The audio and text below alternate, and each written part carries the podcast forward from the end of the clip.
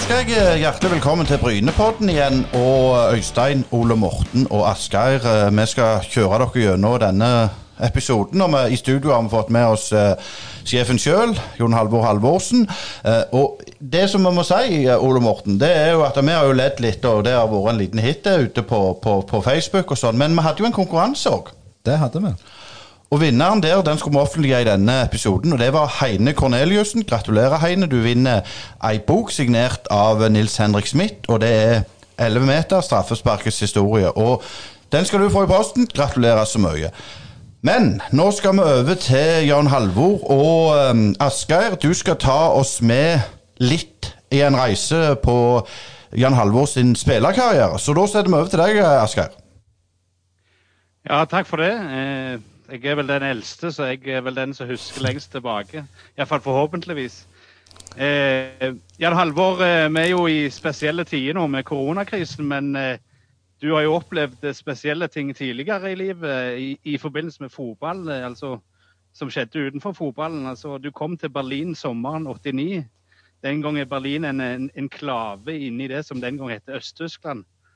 Eh, kan du fortelle litt om den opplevelsen du hadde den sommeren og høsten 89, sett ut ifra din eh, vinkel som, som, fotballspiller, men òg som innbygger i Berlin i de dager? Ja, det var litt eh, spesielt. Jeg hadde jo aldri vært i Berlin før, så når jeg tok flyet ned Jeg signerte jo kontrakten på 26-årsdagen min 8. mars. Eh, 1989, og starta opp juni-juli der nede. Og Eh, det var jo med den Berlinmuren eh, som var rundt, da, som skilte øst og vest, så var det at vi, ja, en del på laget var over en gang i uka. Spiste middag, måtte gjennom Sjekk Charlie, da, så kunne veksle på svartebørsen og, og sånn. Og da husker jeg veldig godt eh, Det her var vel i august-september. Det var det en taxisjåfør som kjørte oss tilbake til Charlie, for vi måtte gjennom den før klokka tolv på natta. Og da sa han at det største ønsket at han skulle kunne kjøre den taxien igjennom en vakker dag. og dette var vel tre måneder før uh, murens fall. Så det var, det var, en veldig spesiell opplevelse den, når den muren ble rivd, og, den gleden, gleden, av det, alle de som hadde havna på den gærne sida. Og første kampen vår etter murens fall, uh, så hadde vi jo 65 000 tilskuere fordi det var veldig mange Herta-patrioter, fans, som, uh, som, kom på kamp, som da hadde dessverre havna på gærne sida av muren. Ja, Herta er jo som kjent, altså De som kjenner litt til tysk fotballhistorie, vet jo at Herta er et gammelt uh, storlag. Men uh, når du kom ned dit, så var de jo i andre Bundesliga, vel. og det opprykket der i, som skjedde i løpet av den sesongen, første sesongen din, hadde det noe å si det at muren falt? Var det en ekstra push i laget akkurat det året? der? Ja, det, det, det, var det. Altså, vi sikra opprykket. Jeg fikk en liten video fra Herta her 3. mai, for da var det akkurat 30 år siden eh, opprykket vårt, så det var litt spesielt. Eh, så, så det, var, det var et veldig spesielt år. Og så traff jeg kona mi også, som er trønder. Hun gikk på skole der nede, så jeg traff hun også i 89. Så det var, det var, et, det var et, bra år, 89-90, for å si det sånn. Det, det, var kanskje et lite høydepunkt, men, eh, men sånn eh, generelt sett, altså 90-sesongen, altså, da vinner jo Tyskland VM i Italia. Eh, og en del av de spillerne du møtte da i den sesongen i Bundesliga, var vel eh, med på det VM-laget. Hvordan var tysk fotball på den tida? Altså, noen av de bedre spillerne var vel i Italia på den tida, men tysk fotball var jo litt under radaren i Norge på den tida allikevel. Ja, nei, det, det, det var veldig bra. Og så var det jo litt sånn, sånn, som det er nå i Tyskland, at uh, når du spilte mot Dortmund bort og Bayern München, og, så var det jo helt fulle stadioner, altså utsolgt, sånn som det er den dag i dag. Så det, det var sånn, Men, men motstanden, altså eh, stemning å spille i Tyskland i, i, forhold til det du var vant med tidligere, var det en ny verden og, og, og sånne ting? Eller var det noe du fort ble vant med? Ja, det var, det var, helt en annen verden å komme fra Norge ned til Tyskland. altså Dette med disiplin og, og, og sånn var jo helt, eh, helt annerledes. Altså, så man måtte bare tenke på seg sjøl. Veldig, veldig egoisme i forhold til innad i laget før du ble godtatt. Av, de trenerne du hadde der nede, er, det, er det, noen som, som spesielt du har høsta noe fra og lært noe av? Nei, jeg har lært litt av alle. Han treneren som henta meg, han døde dessverre for, for, ti år siden, som heter Werner Fuchs. Han hadde et veldig godt forhold til. Så ellers så Ja, jeg hadde litt mange forskjellige trenere, så jeg har tatt, tatt litt av alle, for å si det sånn. Men Nå begynte vi litt med noe veldig spesielt i din fotballkarriere. Men hvis vi går litt enda lenger tilbake du starta vel veien i, i Pors, som er et kjent telemarkslag. Var den unge Jan Halvor Halvorsen en sånn typisk fra kretslag til landslag, U-landslagskar, eller jobba du hardt for å komme der du kom? Nei, det var beinhard jobbing, for å si det sånn. Jeg starta jo i Bamble, der jeg kommer fra, og så gikk jeg til Pors som 13-åring. Og så debuterte jeg på A-laget til Pors i Obos-ligaen i 1978, når jeg var 15 15,5. Så jeg begynte ganske tidlig. Så det har vært en lang reise og mye hard jobbing. Og Før vi kommer over til Eik, så må jeg jo skyte inn for, for uh, rogalendingen her at Erkerøvalen til Pors er vel det godeste Odd ballklubb, stemmer ikke det? Jo, det var jo, det var jo sånn à la Bryne Viking. altså Skikkelig sånn uh, På den tida hatoppgjør. altså Det var ingen som gikk uh, til den ene klubben, eh, altså fra Porsche til Odd eller Odd til Porsche på den tida. Da, da lå de dårlig an, for å si det sånn. Men, men var telemarksfotballen på den tida den lå vel litt brakk? altså Gamle storlaget Odd eh, med mange cupseier osv. var vel litt nede i divisjonssystemet òg den gangen? Ja, nå... Hva tror du grunnen til det var? Ja, nei, nå var vel altså, Porsche var jo egentlig det beste laget i, i Telemark eller Grenland. på det. Vi spilte kvalik tre ganger, tror jeg, to eller tre ganger på rad om opprykk til, til Tippeligaen uten å klare det. Så hadde egentlig et veldig bra lag på den tida. Vi kom til finalen i junior-NM, og vi vant Norway Cup. Eh, sånn at eh, da var det Porsche som var det beste, men eh, da var Odd og Porsche var i samme divisjon, så det var alltid mye, mye tilskuere på de kampene. Og så er det dette fenomenet Eik Tønsberg, som vel den yngre gata har glemt litt. Eh, det var et veldig godt lag. Eh, hadde riktig mål og en veldig viktig fan i den nylig avdøde Jahn Teigen. Kan du fortelle litt om det spesielle som skjedde der i Eik? Eh, det var jo spesielt. Ja, jeg gikk fra Porsche Eik altså før 83-sesongen. Altså, 83-sesongen så hadde vi ja, hadde vel et snitt på 12 000 tilskuere i Tønsberg. Uh, Jahn Teigen var jo hovedsponsor. Vi hadde uh, Jahn Teigen på kortbuksene våre. Han uh, landa, husker jeg, første seriekampen mot HamKam hjemme. Kom inn rett før Grand Prix og landa med helikopter i midtsirkelen. Så han var en ivrig fan, og det var ja, stadion var utsolgt som regel én time før avspark. Men, men, noe av det fenomenet der, det, var det rett og slett at noen la mye penger i klubben, eller var, var det en sånn god, god, gjeng som samles, eller hvordan var det laget der? Nei, Det var et veldig godt lag. Vi hadde vel eh, fem eller seks eh, spillere i 83 på A-landslagssamling samtidig. Eh, og interessen i Tønsberg den har jo alltid vært stor, det, men det var jo Eik, da. Sånn at uh, hvis, hvis Eik Tønsberg eller Tønsberg klarer å komme litt oppover i systemet, så vil det alltid være mye tilskuere der. Det er um, veldig interesse.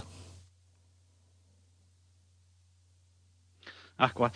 Så uh, hopper vi litt fram etter Tysklandstida. Altså, da hadde du en mellomstasjon i, i Danmark. Eh, hvordan, hvordan oppfatter du dansk fotball sånn midt på 90-tallet? Nei, Jeg kom jo Eh, fra Berlin dit. Og så kom Kent Nilsen eh, eh, fra Aston Villa samtidig. Da var de klare for semifinalen, så de satsa veldig i Århus den tida. Og jeg hadde noen fantastiske år der. Jeg er jo også æresmedlem i, i, i fanklubben deres, så jeg får sånn hefte hver måned. Så en fantastisk tid, og vi hadde et veldig godt lag. Vi vant også cupfinalen. Og kom jo til Var det kvartfinalen i cupvinnercupen det året? Så masse gode spillere. Men litt, litt, sånn eh, når du kommer tilbake til Norge altså det med Rosenborg eh, Rosenborg var jo i iallfall begynnelsen av sine velmaktssaker akkurat på den tida. Eh, var det, var det hovedsak skader som gjorde at du ikke fikk spilt noe særlig der? Ja, jeg ble jo henta inn. Det var på, helt på slutten av karrieren min som en sånn cover for Hoftun og Brakstad. Så det skulle være en sånn utfordre for de å ja, avslutte karrieren med det. Og så fikk jeg en stor skade i låret og gikk skada et år og ja, halvannet. Og fikk egentlig ikke spilt noe i hele tatt annet enn noen treningskamper. Så etter det så la jeg opp i 96. Og så må vi selvfølgelig ikke glemme at uh, vår eminente trener uh, fikk òg noen landskamper. Uh, og det er vel rett i den overgangen med, fra Norge er et sånn middelmådig landslag til den store Drillo-tida begynner. Altså, hvordan var når du var på landslaget? Altså, var det noen av den gjengen som ble Drillos og, og litt av den eldre garde, eller, eller, var det hovedsakelig de som vi ble kjent med som, som laget som kom til VM? Ja, nei, det er jo På min tid så var det jo nesten bare midtstoppere som var profesjonelle. Det var vel Jørn Andersen som var eh, spiss, ellers så var det nesten bare midtstoppere. Rune Bratseth, Erland Johnsen, Anders Giske, Terje Koidal. Så det var veldig mye midtstoppere.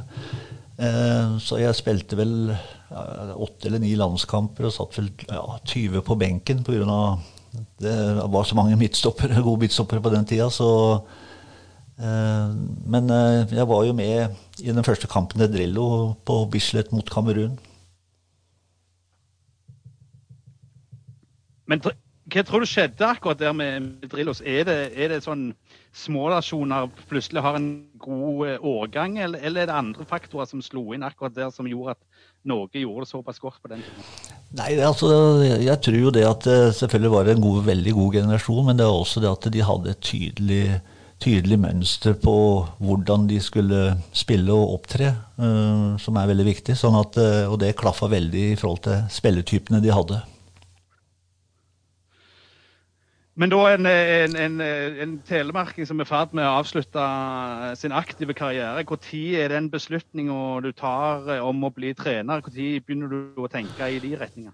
Jeg hadde egentlig forberedt meg ja, de siste to åra. Og lærte, kan du si, Jeg fulgte veldig med når jeg var i Rosenborg i forhold til Nils Arne Eggen. Eh, I forhold til hans tankemåte og sitt syn på, på fotball som, eh, som trigga meg veldig.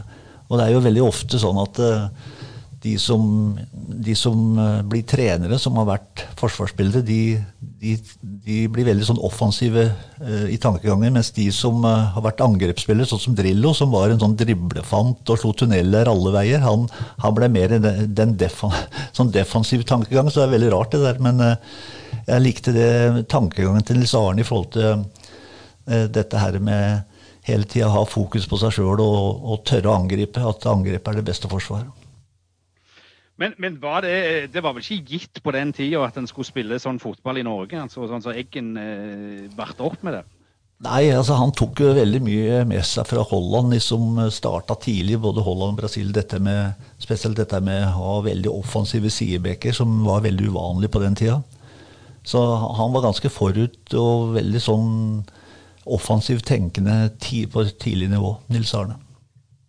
Men hvis vi skal på en måte si litt om deg. altså din, eh, Alle trenere har jo sine eh, mønstre. Du er vel vært litt sånn 4-3-3 som vi kommer tilbake til. Men altså, hvor, hvor suger du inspirasjon og, og henter in, inspirasjon i Nei, det er jo, Når man er trener, så er det sånn at du har en, eh, sånn grunnfilosofi, og så er det det å utvikle den hele tida. Fordi fotballen går framover hele tida. Dette her med 4-3-3 eller 4-4-2 er jo egentlig tallkombinasjonen. Det er mer sånn tankegangen hvordan du ønsker å opptre, da, offensivt og defensivt. Og så ut ifra det eh, Jeg er veldig opptatt av dette her med å tørre å angripe og ha mye folk eh, kan du si, i boksen eh, i angrepa. men alt handler jo om romutnyttelse. altså Hvor er de ledige romma? Det, det er jo det det handler om. Er det, er det noe du ser etter òg i analysen? Sånn, altså, er det rommet du er på jakt etter, typisk? Ja, altså jeg er litt opptatt av at uh, at vi skal ha fokus på oss sjøl, ikke så veldig mye på motstanderen. Selvfølgelig må du ha litt på motstanderen, men jeg er veldig opptatt, og det har jeg vært i alle år. altså Uh, og at spillerne og laget skal tenke på seg sjøl først og fremst, fremst, og ikke på motstanderen. Men eh, før vi eh, snur over til mine kollegaer. altså Du har jo òg erfaring fra USA og fotballen der borte, eh, som da var Red Bull New York. Eh, hvordan, hvordan, vil du si, altså Nå er det jo noen unge brynekarer som har reist den veien og reist og spiller collegefotball i USA. sånn. med din kjennskap til US, amerikansk fotball, ikke, ikke, ikke, amerikansk fotball, altså det med hendene, men eh, fotball i USA. altså Hvordan vil du si nivået der er kontra i, i europeiske land? Nei, Nå har det jo blitt, spesielt de siste ti åra, så har jo disse stjernene som har kommet hit, blitt yngre og yngre. Eh, masse gode søramerikanske spillere, masse god teknikk og fart. Eh, sånn taktisk så så har de hengt litt etter, syns jeg. Men eh, veldig mye gode fotballspillere sånn uh, enkeltvis der borte. Så, pluss at alle har jo nye stadioner. Så det er uh, ja, mellom 20 og 40 50 000 på hver kamp, så det er stor interesse. Men altså, i USA så er det jo de store tre og en halv, som de kaller det. altså Baseball, amerikansk fotball, basketball og ishockey som den halve? altså Drukner fotballen litt i, i, forhold til de andre idrettene, eller er det i ferd med å endre seg litt? Eller så du noe til det når du var der på? Nei, det har endret seg veldig i og med at uh, kan du si, det var vel kun ja, England og Tyskland som hadde høyere snitt uh, i forhold til tilskuere. Og det viser at interessen er enorm. Og de har jo også fått fotballstudio der borte med eksperter som dekker kampene og analyserer kamper. Så det, det, det har blitt veldig, veldig bra. Men så, så en unggutt fra Bryne som f.eks. reiser og spiller collegefotball. Eh, hvilket nivå eh, snakker du om da, i forhold til det nivået som norsk andredivisjon er, f.eks.? Nei, Det er veldig vanskelig å si. Collegefotball der borte, det, det, det, tør jeg nesten ikke uttale meg om. Så, men uh, det er ikke lett, uh, ikke lett å komme i en nåløye til å en, uh, komme inn i en MLS-klubb, for å si det sånn. Nei, og det er vel litt noe som folk sliter med hjemme òg, å gå fra junior til Alsdal. Men Øystein, eh, tar du oss litt videre her? Ja, det skal jeg gjøre, Asgeir. Um, men klart, jeg vil ikke slippe karrieren som fotballspiller helt, Jan Halvor. For um, du spilte jo i Brann i en sesong og to. Ja, to, ja. 87-88. Ja, uh, Og den 87-sesongen, den kan vi jo snakke litt om. Ja, jeg regna med det. Nei, det var jo uh, Da kom vi jo til cupfinalen i 87 uh, med Brann. Møtte jo Bryne. Eh, Tapte etter ekstraomgang 1-0. Kolbjørn Ecker skåra mål. Han har nesten aldri skåra verken før eller siden. Det var kanskje ikke helt fortjent, men vi tapte da etter ekstraomgang mot Bryne i 87. Og det husker jeg veldig godt fra den kampen. Og det er disse her eh, ja, kubjellene Jeg har til og med en hjemme, for vi fikk en hver. Alle spillerne veldig fin, faktisk.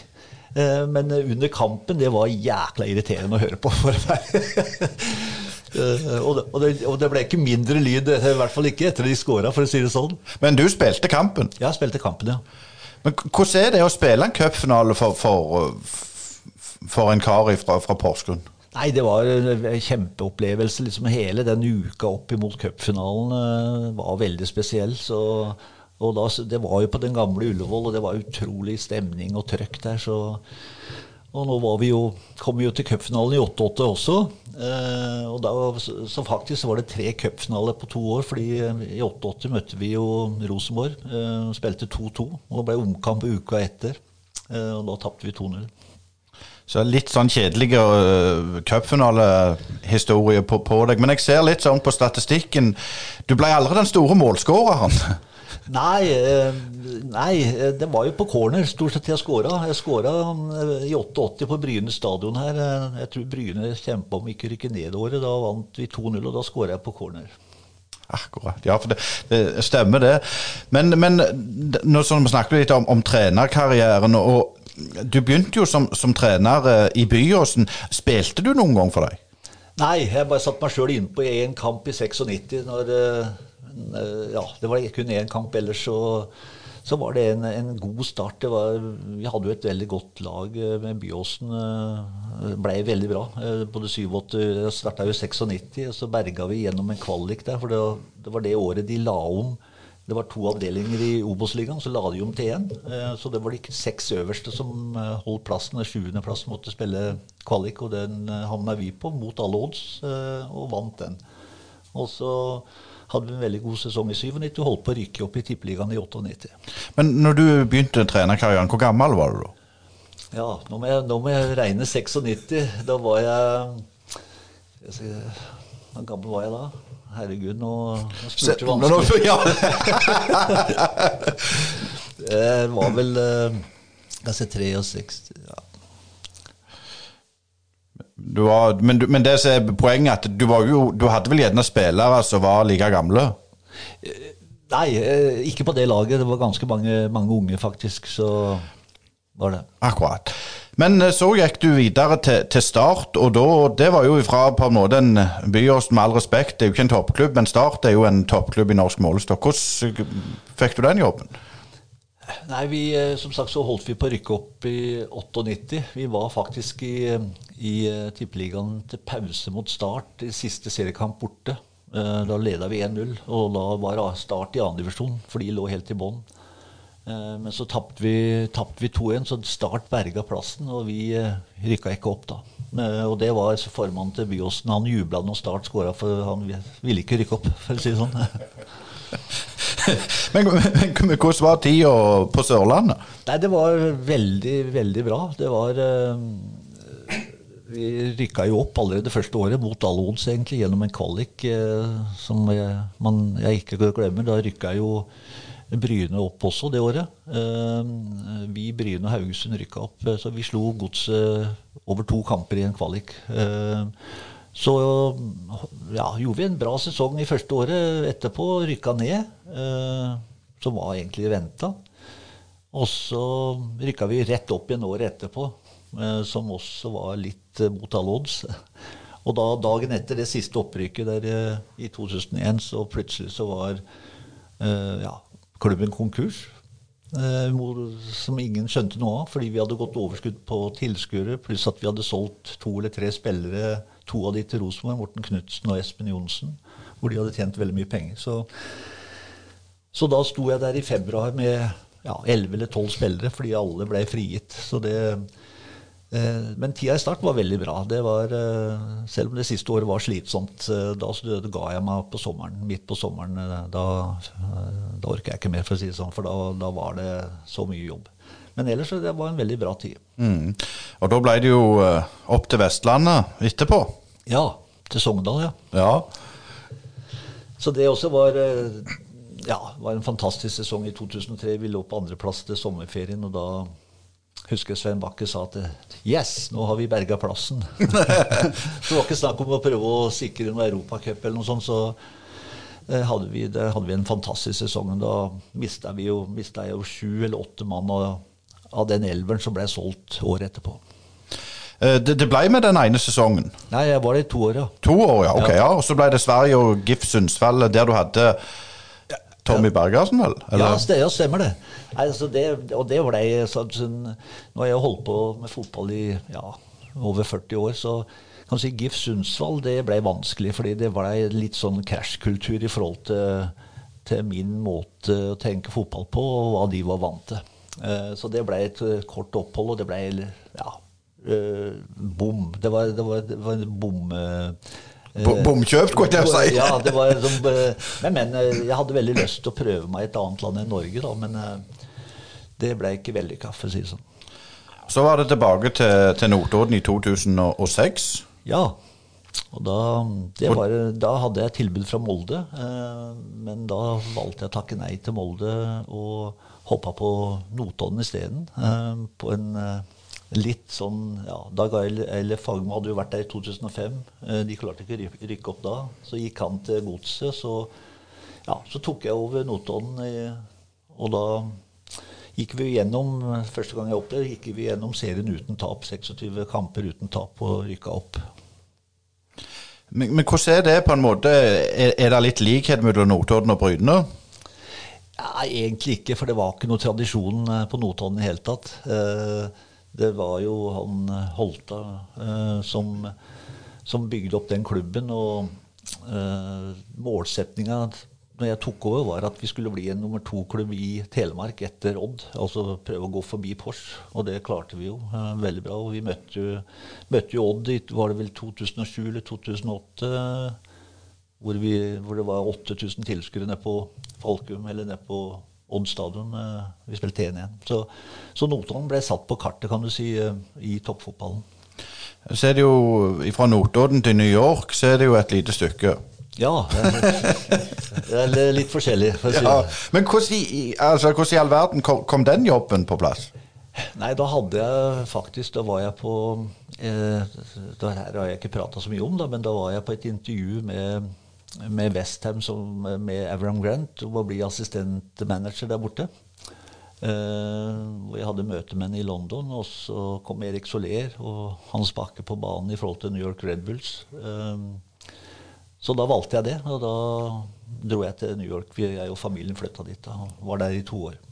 Men, men, hvordan var det å gå ifra altså, Du snakket om krasj med, med tanke på fotballfilosofi. Hvordan var den i, i, i, i, New York? Nei, det var helt ok. Altså, da jobba jeg sammen med Hans Bakk, og det, det, funka veldig bra. Det, og da hadde vi jo Det er jo alltid sånn I MLS så har hvert lag lov til å ha tre sånne DP-er, som det heter. Altså det er tre sånne stjerner som kan tjene unlimited. Ellers så har hele stallen så er det likt i, blant alle laga. Men det er tre spillere som uh, Vi hadde jo Thierry Ary, og så hadde vi Rafa Marquez, han meksikaneren, og så hadde vi Tim Cahill, som kom fra Everton. da. Det var de tre stjernene vi hadde. Utenom deg, da. ja, det, det, men, men, hvordan var det å, å, å trene altså Terje Henry er jo stjerne. Hvordan, hvordan, er det å trene så altså, Da snakker vi jo om skikkelig stjerne. Hvordan er det å trene sånne folk? Nei, det er, eh, for å si det sånn, altså, jeg ville ikke vært foruten det oppholdet, for det er veldig lærerikt. Og, liksom det, det, å jobbe med verdensstjerner, det er noe helt spe, spesielt. Selv om han var litt på hell når han var der, så, så var han jo fremdeles veldig god. og det, det det er lærerikt, for å si det sånn, mm. på alle måter. Eh, men så ble det jo kalde Bodø etterpå. Ja, så da dro jeg til Bodø. Eh, og det, det passa meg egentlig veldig bra. De, de hadde en innbarka filosofi hvordan de ønska å spille, som passa meg veldig bra i forhold til tankemåten min. Så de hadde jo prøvd å rykke opp i ja, to-tre år uten å lykkes. Så jeg tok den jobben, da. Det var i 2013. Så det gikk jo veldig bra. Vi rykka jo soleklart opp med jeg tror det var tolv poeng til Stabæk på andreplass. Så vi hadde vel tre tap det året, og det ene var her borte på Jæren, faktisk. 4-0. Ellers så hadde vi, satt vi jo rekord. Vi hadde tolv seire på rad. Uh, ja, og rykka opp. Så det var et veldig bra år. Men du, du ble jo um, kalt for admiral Halvorsen av, av, av fanklubben til Bodø-Glimt. Men, men, var det på en måte Sånn som du ser det nå, nå er du ikke ferdig i norsk toppfotball, men var det et av de beste årene som trener, føler du? Ja, jeg hadde tre veldig gode år der. for å si det sånn. Vi, eh, vi rykka jo opp, og så berga vi plassen første året. Fikk en tolvteplass og berga helt uh, klart. Og så hadde vi en kjempesesong uh, det tredje året hvor vi lå helt sist i sommerferien, men uh, har fremdeles rekorden uh, med seks tippeligaseiere på rad. Uh, og havna vel på sjuendeplass det året. så det var tre veldig gode år, og da stoppa jeg. så noen ganger når du er trener, så trenger du ikke å holde på helt til det går dårlig. Så der var det tre kjempegode år, og, og veldig glad for at jeg, at jeg stoppa, stoppa når jeg gjorde, for å si det sånn, selv om jeg hadde lyst til å fortsette. Og det sier du når, når neste stoppested ble Fredrikstad, for der ble det vel en liten krasj der òg? ja, det var, eh, det var, ja, Jeg skal ikke komme så mye, mye, inn på det, men det var et meget spesielt opphold. Så. en meget spesiell klubb, men eh, fantastisk, kan du si, interesse og, rundt klubben og sånn. men Eh, de hadde ikke fått det til verken før eller har heller ikke fått det til siden. Så det er, det er litt synd eh, at det er eh, fordi kan du si, Med tilskuere og interesse i byen så, så minner det meg litt om Bergen, faktisk. Altså i forhold til interesse. Men, men hva er det så Jeg, har jo snakket faktisk med, med sponsor og alt. og, og ifra Fredrikstad, kan du si noe om hva, hva er det så for, for jeg som står utenfor, det er jo en fotballby. Hvorfor får de ikke det til? Det er derfor jeg føler prøver. Så er det noe link med, med, med Bryne? Ja, nei, det er det ikke. Uh, du kan ikke sammenligne det i det hele tatt. Men det er, det, er så spesielt, fordi det, det, det, er veldig mange folk som da ikke er med i klubben, men som opptrer som de er med i klubben på en måte. Altså som er nesten uh, Ja, hva skal jeg si? Det er vanskelig å sette ord på det. Eh, jeg har aldri sagt noe negativt om Fredrikstad. Kommer vel heller ikke til å gjøre det, annet enn at eh, det er litt synd at ikke de får det til. Eh, fordi at interessen og, og sånn er helt fantastisk der borte. Det er kun kun Bergen som er på, på det nivået i Norge. Jeg kan jo fortelle en historie. det, Den er sann. Ja. Jeg treffet en sponsor fra Fredrikstad, og da sa jeg var for Bryne det, og at du hadde kommet der. og så ja. Så sier jo han at ja, når han var i Fredrikstad, så skulle jo han bestemme alt det sportslige. Så Da, da begynte jo jeg bare å le, så tenkte jeg ja, det er vel det en trener skal gjøre. Ja, og det kan du si det er litt altså Det setter vel litt grann, eh, perspektiv på det i forhold til at eh, det er altfor mange som skal ha noe å si, som egentlig ikke har noe å si. Eh, og skal dra i mange tråder som ikke skal dra i tråder. Og det, det tror jeg er litt belastende for klubben å ha vært i mange, mange år, og kommer sikkert til å være det også. Jeg får jo håpe at de at de får det til, selvfølgelig, men det er ikke lett. Nei, For de hører jo til der oppe, det syns jeg òg, det. Ja ja.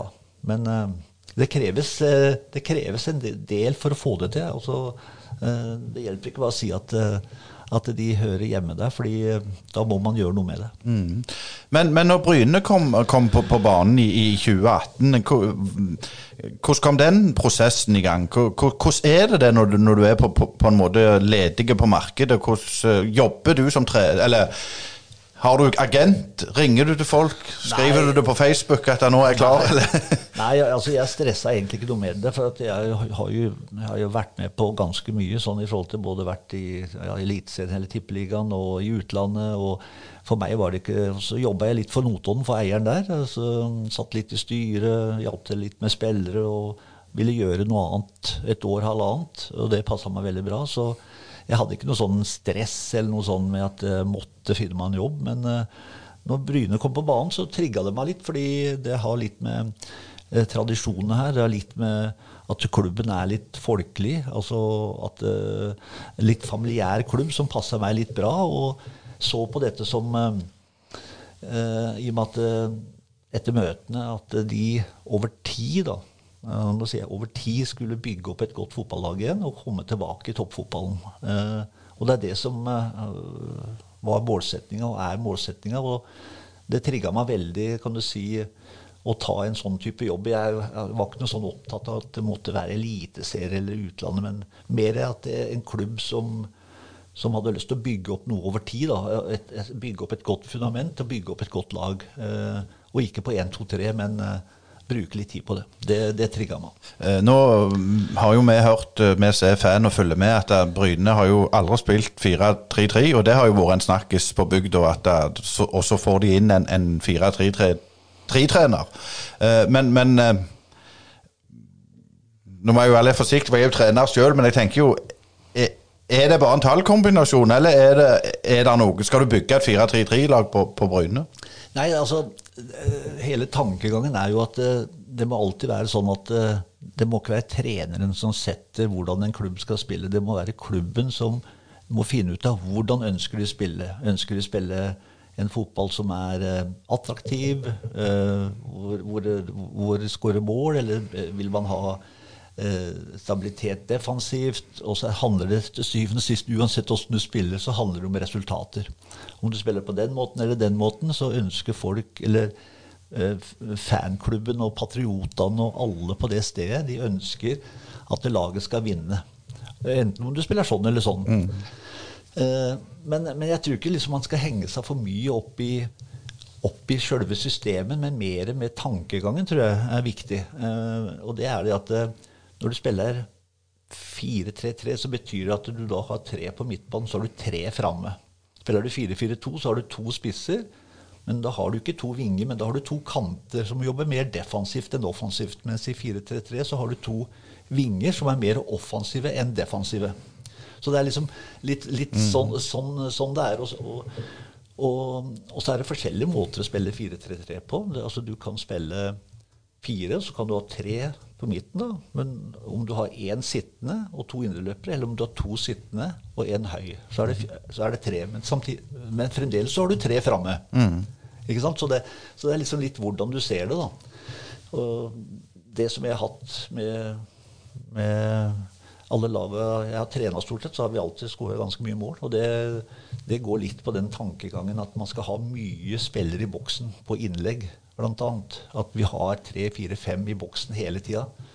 Nå skåra vi ikke så mye i fjor. Men vi burde ha skåret mye mer enn det vi gjorde. For vi har, vi hadde vel 13-14 skudd i tverrleggeren og stengene. Ingen gikk inn. Og så var vi jo aleine med keeper jeg tror det 18-20 ganger uten å få mål. Så vi, vi skapte sammen. Vi skåra altfor lite i fjor, men eh, det var i fjor. Vi, nå, nå, er det et nytt år, så vi ser fremover. Men jeg tenkte litt sånn Nå skal jeg eh, Ole Morten overta, men, men i fjor, i slutten, så, så, stemmer det at dere la om, altså snudde veden på midten for å, å bli, få litt mer defensive fibre. Men, men, var det en prosess i sammen med spillerne, eller hvordan er det en sånn en? Ja, ja. For da, da vi var jo aldri under streken. Eh, altså, jeg var jo aldri bekymra sånn sett, men det blir jo alltid sånn mentalt i en spillergruppe. Altså når du begynner sånn at du er tre-fire poeng fra nedrykk, så begynner alle omgivelser alt å snakke, mens vår oppgave da var å ha fokus på ikke på det, men, eh, men hele tida da å, å, vinne neste kamp, sånn sett. Så, da snudde vi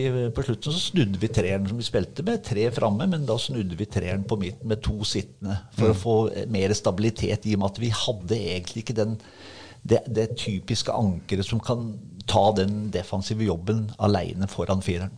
Men eh, hvordan er du som trenertype? Du, du, har jo spilt i Tyskland. Er, er du eh, Sånn som jeg oppfatter deg, så er du veldig tydelig og veldig Altså ja, hvordan er du? Er, er det en som tar armen rundt spilleren, eller er du, er du den gamle engel, engelske typen som sier sånn er det? Nei, jeg, jeg, jeg, tror jeg er mer sånn at jeg bryr meg veldig om spillerne. Jeg bruker mye tid på spillerne.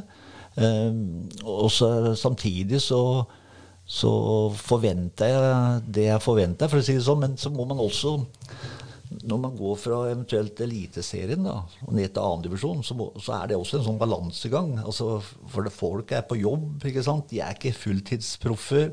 Og, og, og, Det er masse sånne ting du må ta hensyn til som man ikke har tatt hensyn til før. Eh, mm. Hvis du skjønner hva jeg mener. Så, men jeg, eh, jeg, er jo veldig sånn inkluderende, føler jeg. Altså, jeg er veldig sånn, selv om jeg setter store krav og sånn, så, så, er jeg veldig sånn inkluderende til, til spillerne mine. Men Hvordan jobber du og Even i sammen? Veldig bra det, det fungerer veldig bra. Tankegangen eh, eh, sånn at jeg Det er vel den første hjelpetreneren eh, hvor jeg bruker hvor jeg setter bort mye såpass tidlig. I Bodø så gikk det mye lengre tid, for å si det sånn, før jeg ga litt slipp på Mens her så er jeg veldig sånn trygg på altså, tankegangen. Altså at han tenker veldig likt, og det er veldig viktig. sånn at når man har en assistent, da, så jeg som har holdt på så lenge, så er det veldig godt å ha en assistent som kan ta seg av en del ting. Både uh, pasningsøvelser uh, Han er veldig flink på video. Så vi fungerer veldig bra sammen. Så det, det er en god match. Ja, da skal vi løpe til, til, Ole Morten. Og han er jo litt mer eh, fan, han, så jeg vet ikke om du er klar for å bli grillet litt nå? Johan jo, jo. Du vet, når man er trener, så, så er man vant til det. Så det er ikke noe problem. Eh, før jeg går i gang, så har jeg fått beskjed på, på øret her at uh, Asgeir har, har et spørsmål. Ja, Asgeir. Det var litt uh, oppfølging av dette med fjoråret. Altså, når du kommer inn og skal sette på en måte ditt preg på, på stallen, altså, er det ei, ei tid der ute i sesongen du ser det er spillere som du trodde ville passe inn i din tankegang, som absolutt ikke gjorde det, utenom at du trenger nevne navn og sånn. Men er det noe der som gjorde at du tenkte oi, her har jeg sett litt feil og trodd at det skulle gå en annen vei? Ut ifra det resultatet som ble, ble da prega fjoråret? Ja, nei, altså Når du tar over en stall, så ser du jo også fort liksom, eh, hvem som passer inn. Det kan gjerne være spiller som er god, og sånn, men som kanskje ikke passer inn i tankegangen. Men eh, noen ganger når du tar over et lag, så Eh, er det sånn at du, du, du kan ikke få satt preg på det 100% med en gang. Eh, og det har litt med at eh, det er kontrakter, og det er ja, mange forskjellige ting. Og så må man bruke kanskje litt tid på å bli kjent med den enkelte spiller og, og typen. Sånn at eh, man stiller på et helt kan du si, et, et, et, annet nivå nå i forhold til med å få inn, eh, få inn typer som man, eh, som man syns passer inn i den måten og tankegangen man har. da. Men, men, i år er det en Halvorsen-tropp vi ser nå, eller er det ennå ting som, som bør justeres? Altså, du kunne justert eller ville justert? Nei, eh, vi må skåre mye mer mål da, i år enn, enn i fjor. Det er jeg opptatt av. Sånn men, men, føler du du har sett i preg på, på, på, denne stallen som du har til, til rådighet i dag? Er det, er det, din stall, dette? Alex? Ja, det er mer min stall ut ifra de rammene og, Og man, man husker på at eh, hadde vi vært et hakk høyere opp, så hadde alt, altså, hadde det vært mye lettere å kunne plukke kan du si, eh, spillere ut ifra kvalitet og alt sånt, men jeg er veldig fornøyd med de vi har fått inn nå. Nesten alle har eh, erfaring fra Obos-ligaen, som i fjor hvor vi ikke hadde så veldig mye erfaring fra toppfotballen. sånn sett, så de vi har fått inn nå, uh, de har erfaring fra Obos-ligaen, men samtidig som vi har vært veldig opptatt av, det er å få inn sultne spillere som har ambisjoner, og som ønsker å komme til Bryne fotballklubb. Og alle de som har kommet nå, de har ønska å komme hit og ønska å spille her, og det, det, er veldig viktig. Og Da har Ole Morten fyrt opp grillen. Ja.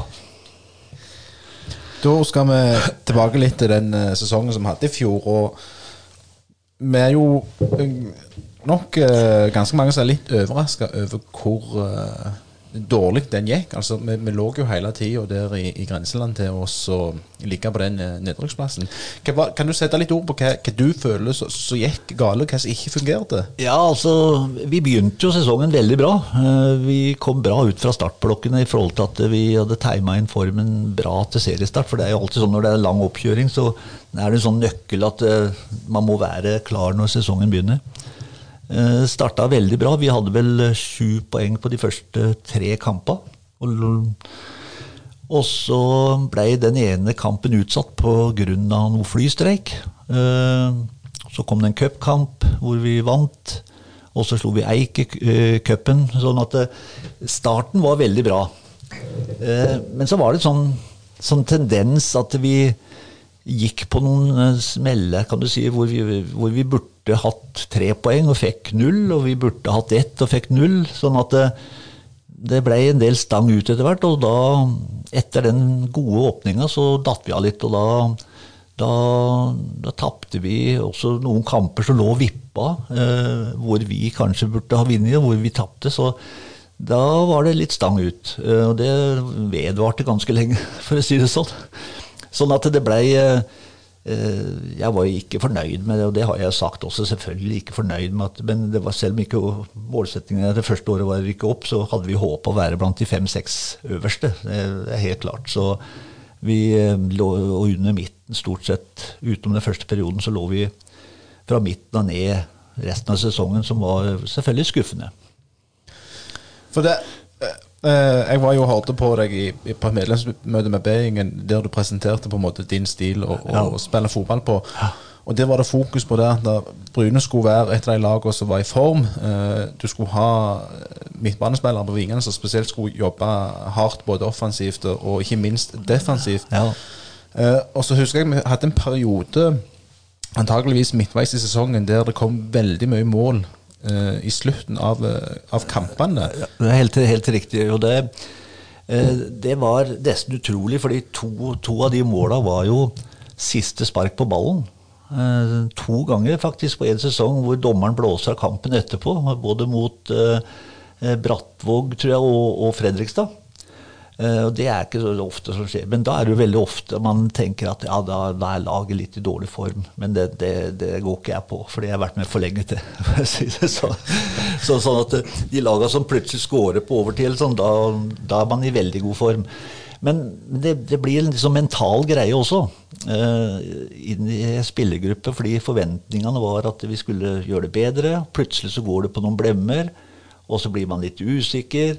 Eh, og så får man mål da imot på overtid. Og så blir det enda verre, så blir det fokus på det. Så det er veldig mye mentalt oppi dette her. Og, i forhold til dette her med stang inn og stang ut. Får du stang inn, så flyter jo alt. altså Da, da scorer du nesten på alt. altså Da går den i, i stanga og inn. Og er du i motgang, så går den i stanga ut. og Da var vi, var vi veldig sånn i motgang i en periode. Er det noen spillere du opplever i fjor som ikke tok det taket du, du hadde forventa. Ja. Og der er da selvsagt òg noen spillere som gjerne tok et tak som du ble overraska over, som betydde mer for gruppa enn du trodde når du kom? Som, som på det positive sida, ja, Ja, ja da. Jeg, jeg syns jo Hvis du ser på en del av de kampene våre i fjor, så, så så bretta vi jo skikkelig armene når det virkelig gjaldt. Altså, vi hadde jo sånn, skulle spille mot Sola borte.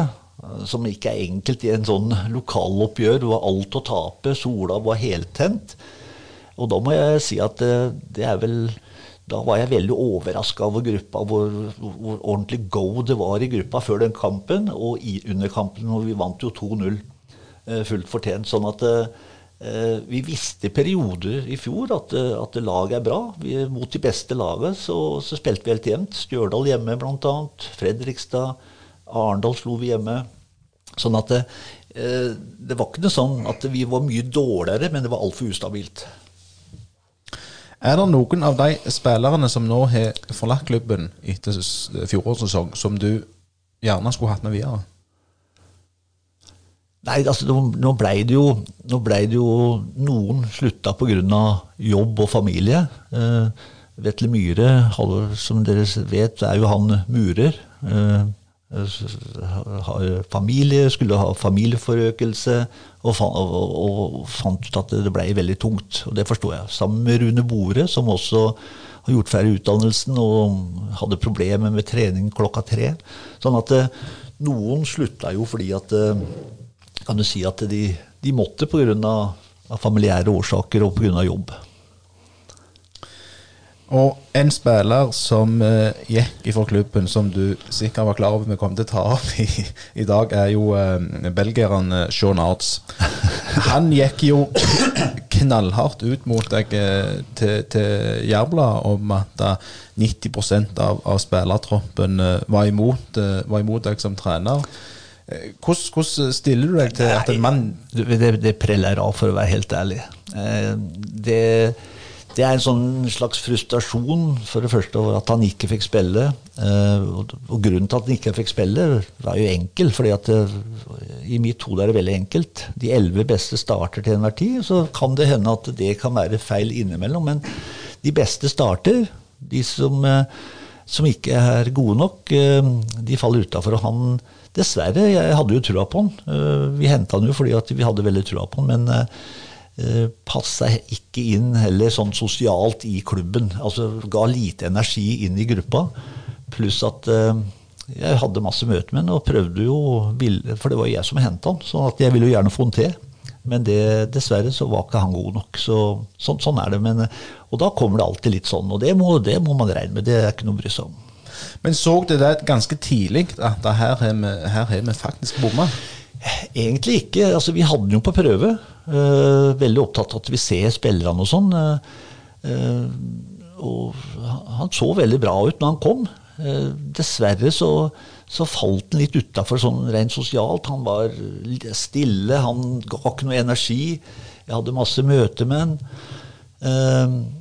Og følte vel kanskje at han var bedre enn det han var. For at jeg, jeg kunne ikke bruke den, rett og slett. Altså, det var en del av unggutta som faktisk var bedre. Nå vet jeg ikke hvor mye du er på innom sosiale medier. Eh, fikk du med deg noe av det han gikk ut? For han, før han forsvant fra Bryne, mens han var i klubben, så gikk han ganske hardt ut mot, mot klubb og, og deg da som trener. Eh, Ja, ja. Det var iallfall det han sendte stikk mot. Eh, Fikk du med deg noe av dette? Nei, jeg, for- det første, jeg leser ikke aviser, jeg leser ikke så mye media, fordi ja, jeg er ikke så veldig opptatt av det. Men det, det viser jo liksom sånn at spilleren ikke er profesjonell. ikke sant? Eh, Altså, han kom jo fra litt lavere divisjon, nå spiller han vel i fjerde divisjon eller femte divisjon. Eh, og det viser jo bare det at eh, at eh, spilleren ikke var profesjonell nok. Men eh, sånn, sånn er det av og til. Noen ganger så treffer man, og andre ganger treffer man ikke. Så sånn er det bare. Ja. Eh, er, altså, du snakket litt om, om inntrykket ditt av Bryne eh, fra tida du kom her til. Eh, hva tenker du nå om de, om de neste år? Du har jo sagt du vil bygge opp et lag eh, her på Bryne. Eh, men her, altså, målet helt sånn i bunnen er vel gjerne å, å komme seg opp og, og i hvert fall etablere seg i førstedivisjon.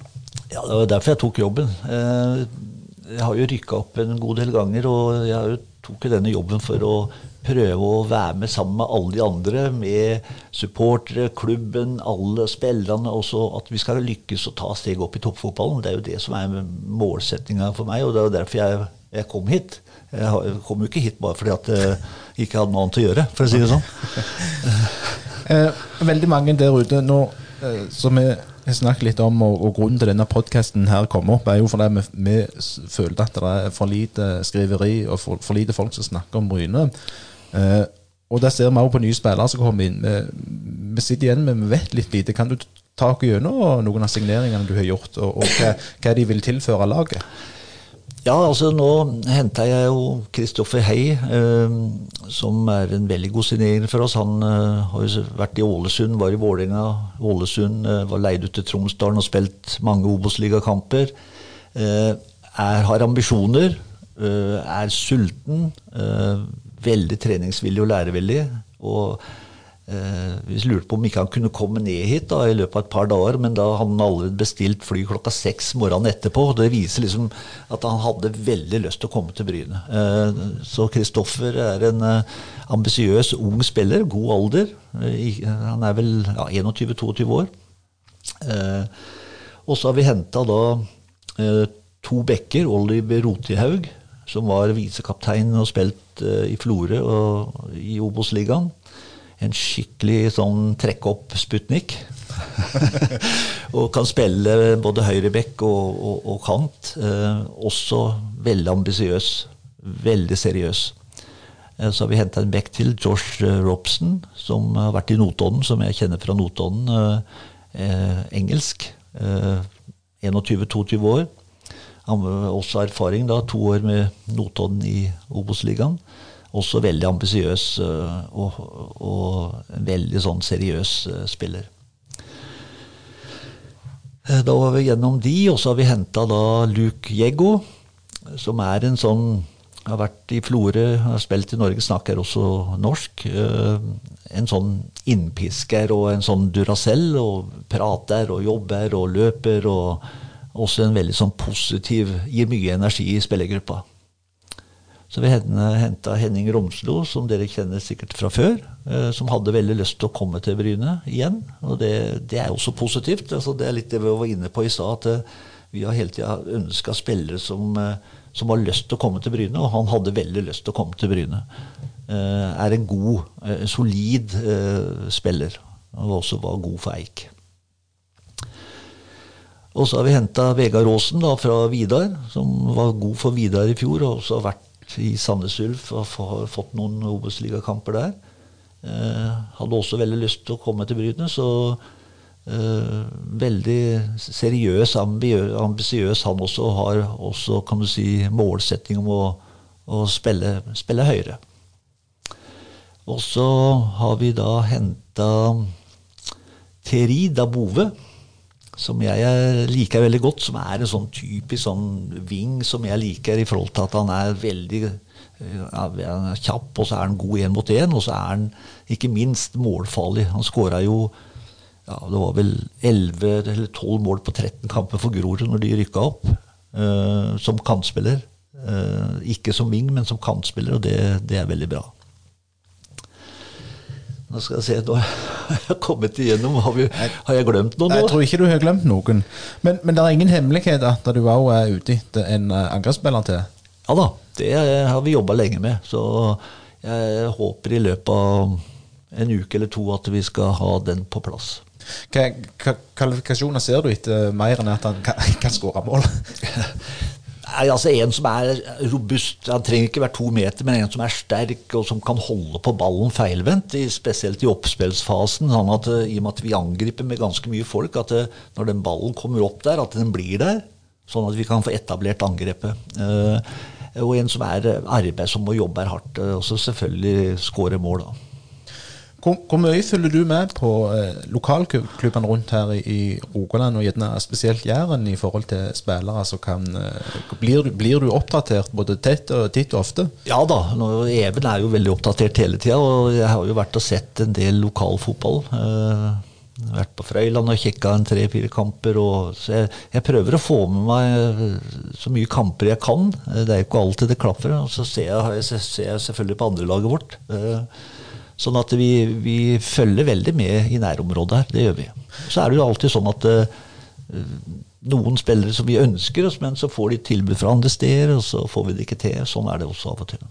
Så det er utfordringer med at Eik og Sandnes gjerne liker å følge med på samme spillere? Ja, altså litt problemet for oss, eh, det har jeg merka når jeg skal hente spillere sånn i forhold til Arendal og Eik spesielt, at vi kan ikke måle krefter med de sånn i forhold til lønninger. Det, det har vi ikke sjanse til. Så når vi er på jakt etter spillere, så må vi holde det hemmelig lengst mulig og bare prøve at uh, ikke det kommer ut hvem vi jobber med. Da, Asgeir, har du noen spørsmål? For du har sett litt uh, preseason i Bryne allerede?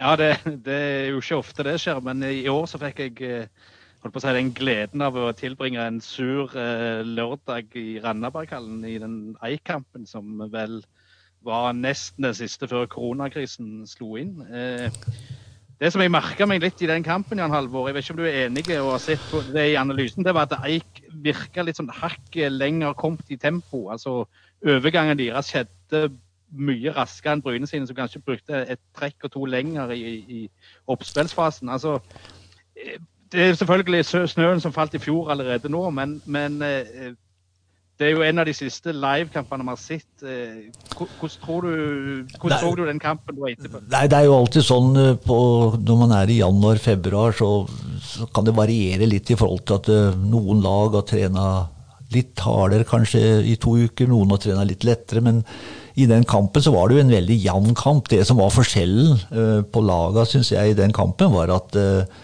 Eik var giftige på de mulighetene de fikk. Altså, det, så, ellers så var det veldig sånn jevnspilt. Uh, nå hadde jeg jo en del unge spillere også i denne kampen. Han, Albert fikk jo debuten sin i den kampen, og Torben spilte spiss. Sånn at eh, de, de, var litt hvassere foran målet enn det vi var. Eh, sånn at jeg er enig med deg i det at at de, de, kanskje var litt hvassere enn oss akkurat i den kampen. Men det var ikke så stor forskjell. var det ikke. Hvis du ser på måla de fikk, så var det kan du si, ja, litt lettkjøpte mål. da, Som det ofte, er, ofte er på den årstida. Ja, det var vel en sånn firedobbel sjanse rett før pause der. Men, men eh, eh hvordan har du lå under koronatida, altså, hvordan, har hverdagen vært for spillere og, og, og dere? Altså, hvordan bygger dere opp en sesong nå, når alle må springe rundt i, for seg sjøl og i gruppe på fem mann? Nei, altså Det er jo selvfølgelig slitsomt, fordi eh, det er bedre å være fem og fem i gruppe enn å løpe alene i skauen alene, sånn sett. Men uh, man blir jo lei av det også, fordi at uh, du holder på med pasningsøvelser og litt avslutninger og sånn, men du kan ikke gjøre det i flere måneder. Men uh, nå har vi jo eh, vært samla alle sammen. Fra, det var jo fra torsdagen om så var, hvor eh, vi alle kan trene sammen med én meters avstand. vi går ikke med målbånd, men vi prøver å holde en meter. Eh, og da får vi jo øvd kan du si, helheten og få øvd på spillestilen. I, dag blant annet har vi jo vært på eh, gressbanen og trent, og da spilte vi 11 mot 11, da, men hele tida med én meters avstand. Men da fikk vi begge laget kan du si, øvd litt på spillestilen og det taktiske, så det, det var veldig bra. men eh, det, det, er, det, er, jo slitsomt så man ikke kan ha nærkontakt av og til. Det er jo det, er jo det fotballspillere gjerne vil ha. Litt taklinger og litt dueller og sånn. Så vi får bare smøre oss med tålmodighet. Men eh, meget imponert over spillergruppa. Og eh, de spillerne vi har nå, de står på veldig og er positive og gir energi. Nå tar vi vel eh, en ferieuke neste uke bare for å bryte av litt. Eh, for når vi starter opp, så, så vil det blir kamper i ett kjør og ikke noe ferie. Så eh, alle har jo rett på litt ferie, så vi må prøve å plotte inn en uke sånn i ny og ne. Og det tror jeg er viktig, og det har vi gjort en gang tidligere også, bare for å holde spillerne da på tå og hev, at, eh, at ikke de blir helt mentalt utslitte før første seriekamp. Men, men, ut fra det du hører, altså, er, det, er, det, grunn til å tro at det blir full serie, eller blir det bare en runde, tror du? Ja, nå er det jo satt opp i tre faser. altså Eliteserien skal starte da 16.6, og så er det satt opp at uh, Obos-ligaen skal starte 14.7, og vi to uker etterpå, altså uh, 8.-29.7. Det er det som liksom er satt nå. da, Så håper vi at det kanskje at det, det skal gå bra nå når Eliteserien starter. At vi kan starte opp kanskje midten av juli, vi også. Da, og da starter vi vel med sånn nærkontaktstrening eh, en måned før det, da. Men, men, tror du det blir full sesong, eller tror du det blir halvert? altså En spiller bare én runde? Nei, Jeg håper inderlig at det blir full, og jeg tror altså forbundet er veldig opptatt av at de tre øverste divisjonene skal spille full, og så at det kanskje blir enkel da tre-fjerde divisjon, altså femte divisjon. Ja. ja, da bare stopper jeg Asgeir. Og takk for, for praten, Jon Halvor. Det var utrolig kjekt at du tok deg tur til å komme til Brynepoddene. Nå har vi prata både om, om, din karriere og, og trenerkarriere. og vi satser på at du er med oss litt underveis i sesongen, bare for å komme i gang. For vi, vi trenger fotball nå. Jeg må ærlig innrømme jeg er drittlei dette. ja, du, du, er ikke aleine om det. skal jeg si. Jeg er lei av å sitte og se på alle de gamle kampene på TV også. Så nå var det heldigvis noe fra Færøyene nå sist da, som var live. Så, men jeg tror alle lengter etter å komme i gang. Så eh, merker du på spillerne også at eh, det hadde vært godt å komme tilbake til hverdagen nå eh, for alle. Så får vi håpe at eh, denne sesongen skal bli eh, Bryne sesong. Det satser vi på. å være eh, klare det, ligge helt i toppen i år og være med å kjempe om det opprykket. Det, det satser vi på. Det får være siste ord. Du har hørt på Ole Morten, Øystein og Asgeir. Og husk å følge oss på Facebook og Twitter, Brynepodden. Så snakkes vi igjen eh, med neste anledning. Ja, der lurte vi dere. Du trodde Brynepoddene var slutt for uh, denne gang. Det var det ikke, for nå fikk vi en liten telefon fra Jan Halvor Halvorsen. Og han uh, ville fortelle om den siste signeringen som han uh, ikke kom på mens han så der, som da er Marius Andersen fra Eigersund. Midtstopper, hvis jeg ikke tar helt feil.